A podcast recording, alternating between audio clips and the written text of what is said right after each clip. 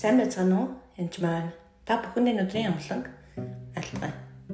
Тэр өнөөдөр та бүхэндээ олзгосод эрчлөг тунгалахаар ирсэн, эрчлөг олгохоор ирсэн гэж хэлдэг. Тэгэхээр юунд олдлогсон байж болох вэ? Тэгээ ялангуяа санхүүтэй холбоотой олзглын талаар хэлж өгье гэж юм.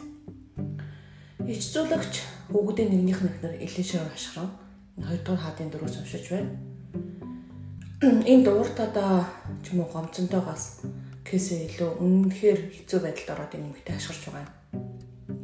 Тэгээд иш үзүүлэгч хүүгүүдийн нэгнийх нь ихнэр нэгсэн даа нөхөр иш үзүүлэгч байсан хүн гэсэн үг. Тэгээд Илэша таны зарц болох миний нөхөр Илэшагийн дор хаж хамтарч ажилладаг байсан гэсэн үг. Илэша өөрөө иш үзүүлэгч болгож дор бас олон хүмүүсийг менторлдог байсан гэсэн үг. Таны зарц болох миний нөхөр өөд болсон бөгөөд түүнийг эзнээс имэдэг байсан та мэдвүлээ. Гэтэл хоёр хүүхдийг маань боол болгон өөртөө авахар зээлдүүлэх жилдээ гэжээ. За нөхцөл байдал маш хэцүү байна тийм үү? Нөхөр нь насарсан. Би лөвсөрсөн. Өөр орлого олж байгаагүй юу? Чадахгүй. Тэгээ дээрэс нь өртөө өргөн зээлдүүлсэн өрөө нөхрөө насарсныхан дараа өрийн нэхэд хүмүүс ирсэн байж байгаа. Тэгээ зүгээр эрэхтэй байшин савнд биш бүр хоёр хүүхдийн боол болгож авахар ирсэн баг. Ингээд энэ хүн амьд тэмцээнд арга хатаад нөхрийнхөө багшаас багш руу тусламж гуйж байгаа. Хилээшээ түнд чиний төлөө би юу гэх вэ? Энэ хүн үнэхээр эндрэнгүйс төгтөр харцж байгаа. Шам хамаагүй нөхчин нас урсан энэ гэхгүй. Хилээшээ түнд чиний төлөө би юу хийх вэ? Гэр чин юу байгааг надад хэлээч гэв. Тэр эмэгтэй шивгчэнд тань ганц баар тосноос өөр юу ч алга гэв. Үнэхээр өөрийгөө яаж ин даруй төрслөг гэж байгаа байхгүй хүн. Штэн гууж бол туслах ёстой чи энэ гэхээс илүү шивгчэнд тань ганц баар тосноос өөр юу ч алга. Үнэхээр үйлчлэлтэй эзэн төлжилтэй тэм гэр бүлээ сан гэсэн. Гэтэ тийм боловч үрийн шүлжээтэй ядарсан ядуу тийм л байсан гэсэн. Тэгт нийлээш явж олон сав суулга буюу хоосон сав суулгыг бүх хөршөөсөө зээлж авах. Түүнд маш сонин даалгавар өгч байгаа. Эхлээд яваад бүх хөршөөсөө тэр хүний бүх хөршөөсөө хоосон савзуул цуглуулах гэж. Юу хийж байгаа гэхлээр хэлэхгүй байгаа. Тийм даалгавар өгч байгаа. Бити цөөхөн сав аваараа. За чи дотогш орж өөрийнхөө болон хүүхдийнхаараас хаалгаа хаагаад эдгээр бүх санандаа юулж дүүрснийх нь хажууд иш тавих ёстой гэв. Ингээд тэр эмэгтэй элэшэг орхон явж өөрийн болон хүүхдийнхаараас хаалгаа хав Тэг түнд авчирч тэрээр юулж байлаа. Санууд дүүрхэд тэрээр түүдээ надад өөрсөө авчирч өгөөч гэсэн түүн түнд өөрсөө алга. Тоос чурсгаа болов. Дараа тэр эмэгтэй ирж бүхний хүнд үнийг хэлжээ. Тэр эмэгтэй явж тосоо зараад өрөөд өрөөдгөлж үлдснээр нь чи болгон хөвгүүч 800 болно гэв. Тэгэхээр мэдээж өрийн өргөө сайхан амьдрахтай боломж яг өндөө бол нь байх боломж байсан уу байсан. Яг бол нөхөр нь тэнд ажиллаж байх үед нөхөр нь лежэтэй хамтран хамтрагч байх үед нь шагн байх үед нь ч гэсэн боломж байсан уу байсан. Илээшээ тусалж чадах байсан. Гэтэл асуугаагүй учраас бид нар аваагүй гэсэн үгдэрх нь. Үнэхээр аргаа хадад гохот тэр нь тусламж нь байгаа юу байгаа.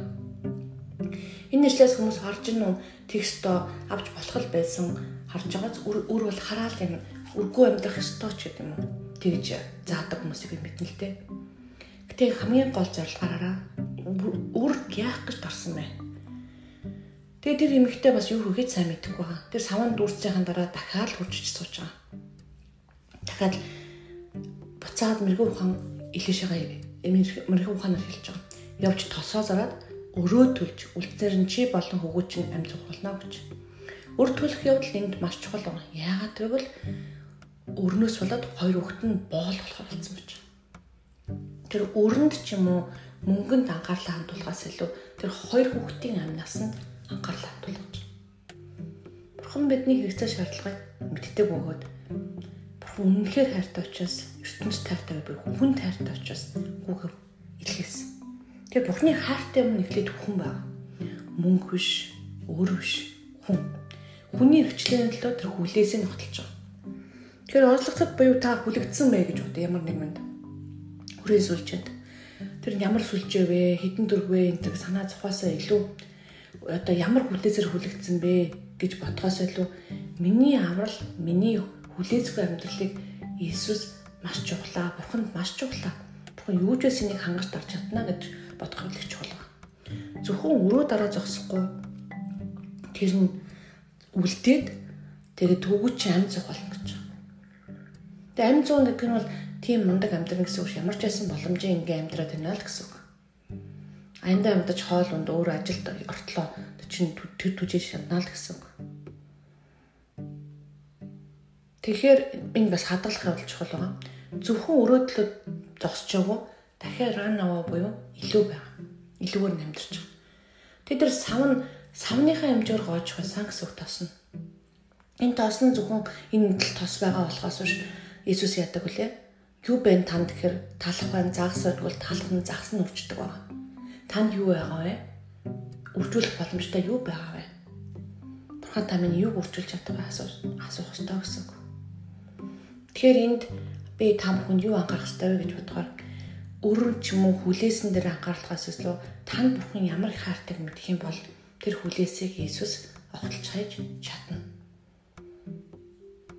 Тэгэх юм бол бүх зүйл амархан болж өрнө. Үнэхээр ойлцогдод тэрчлэг дунгалахаар Иесус ирсэн. Та юунд олдгсон бэ? Өрөндөө, сэтгэлгээндөө эсвэл мөнгө санхүүгийн хүлээсэн дөө юу ч байсан гэсэн үнийг чинь бурхан шидэж чадна. Та намжилт төсөө баярлалаа.